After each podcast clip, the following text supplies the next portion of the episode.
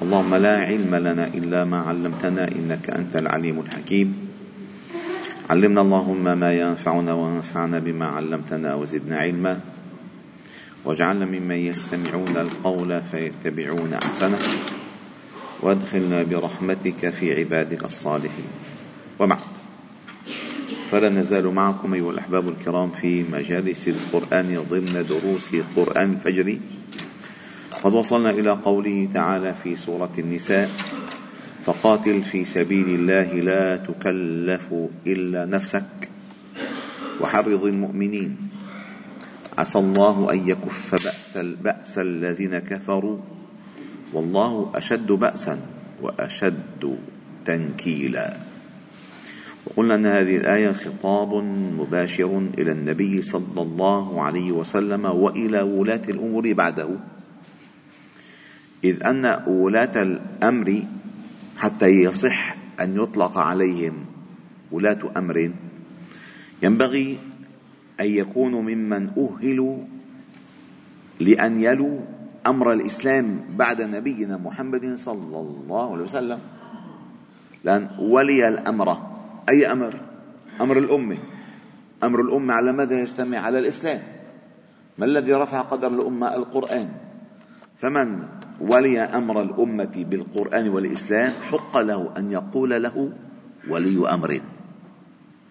وما سوى ذلك لا طاعة له ولا ولا اعتبار لوجوده أصلا. لأن ولي أمر. ولي أمر من؟ لذلك قال ما أقاموا فيكم الصلاة. أي ما أقاموا فيكم الدين.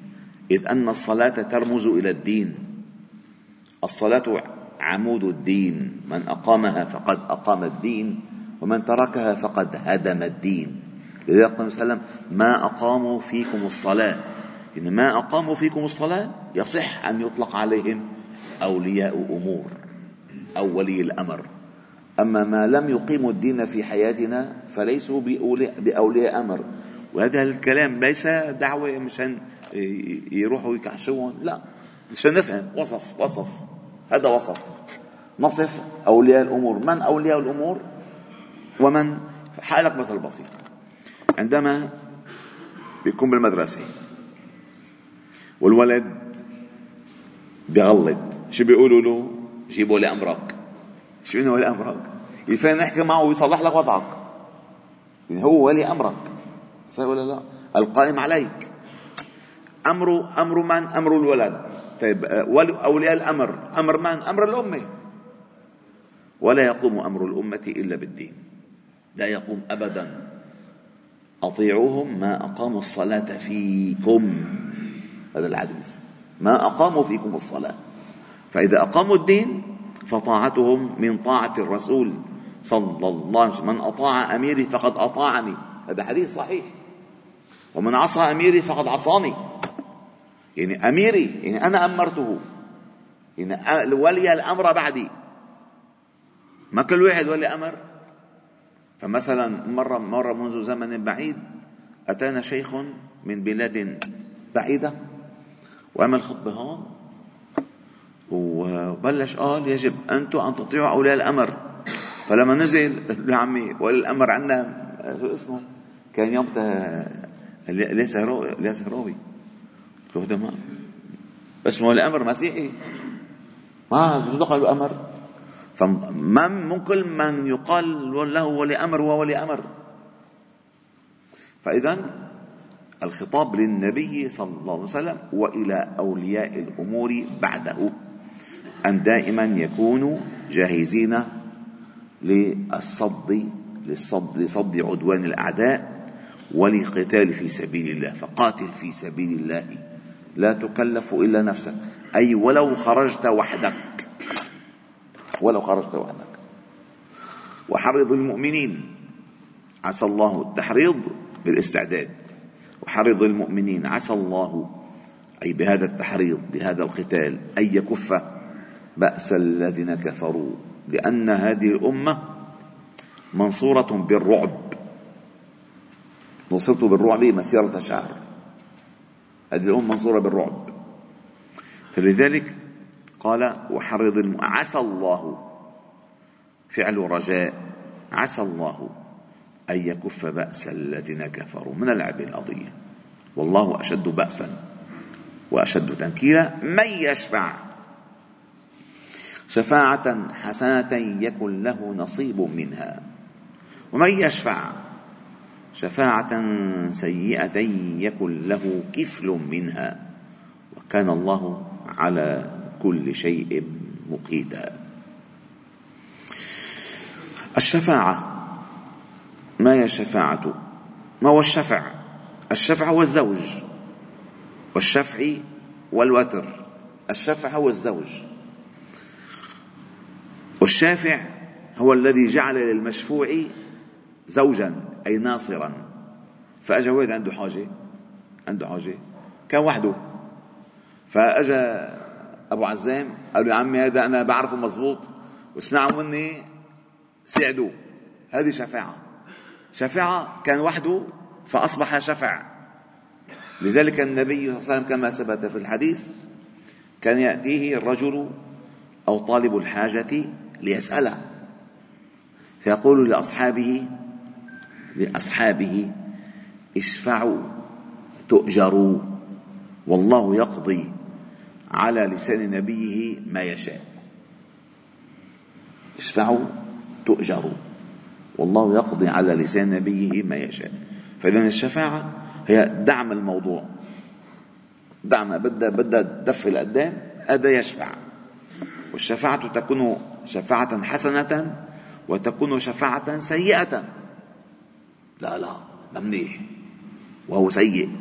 الشافع سيء والمشروع آدمي. هذه شفاعة سيئة.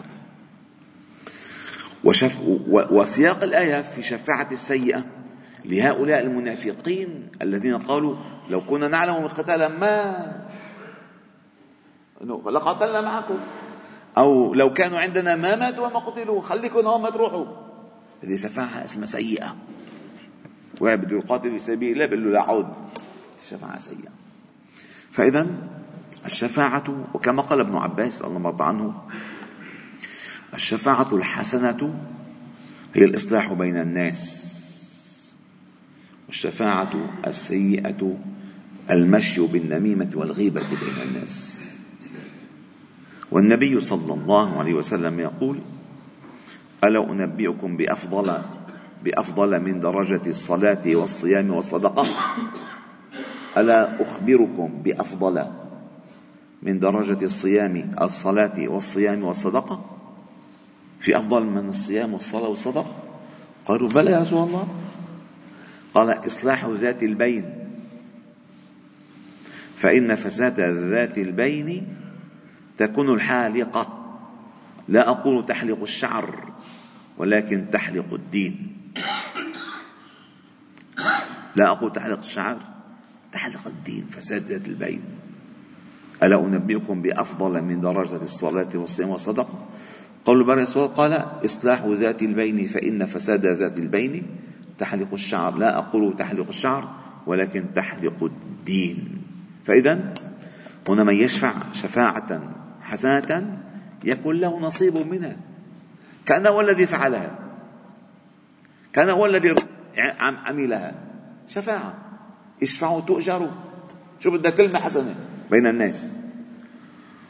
لذلك النبي صلى الله عليه وسلم هو له الشفاعة العظمى.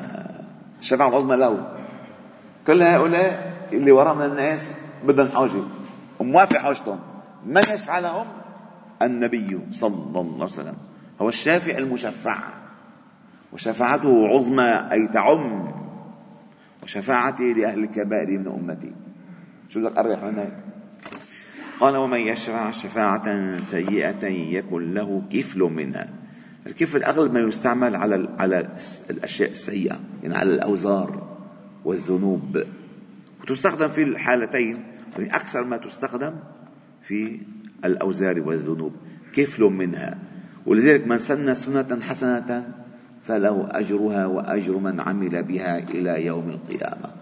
ومن سن سنة سيئة فعليه وزرها ووزر من عمل بها إلى يوم القيامة. لذلك إحياء الناس على السنة شيء مهم ونشر البدعة بين الناس شيء خطير. والبدعة حتى تكون اسمها بدعة ينبغي أن تكون في الدين. ليست من غير الدين.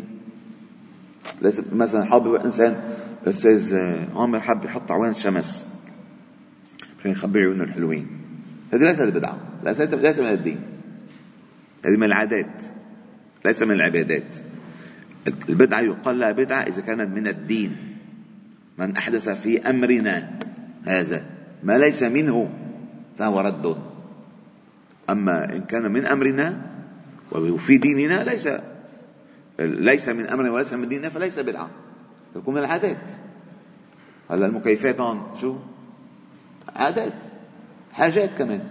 فلذلك قال الشفاعة السيئة التي ومن سن سنة سيئة فعليه وزرها ووزر من عمل بها إلى يوم القيامة وكان الله على كل شيء مقيتا. المقيت هو المقتدر والحفيظ. أي المقتدر المقتدر على إعطائك جزاءها والحفيظ لك بعملها وحفيظ لك بها. وكان الله على كل شيء مقيتا. وما تكرر هذا الاسم إلا في هذا الموضع مقيتا. فإذا الشفاعة الحسنة هي الإصلاح بين الناس والشفاعة السيئة هي الإفساد بين الناس. والله عز وجل يجازي كل بعمله. فمن وجد خيرا فليحمد الله ومن وجد غير ذلك فلا يلومن إلا نفسه. والحمد لله رب العالمين. سبحانك وبحمدك نشهد أن لا إله إلا أنت. نستغفرك إليك. وصلي وسلم وبارك على محمد وعلى آله وأصحابه أجمعين. والحمد لله رب العالمين.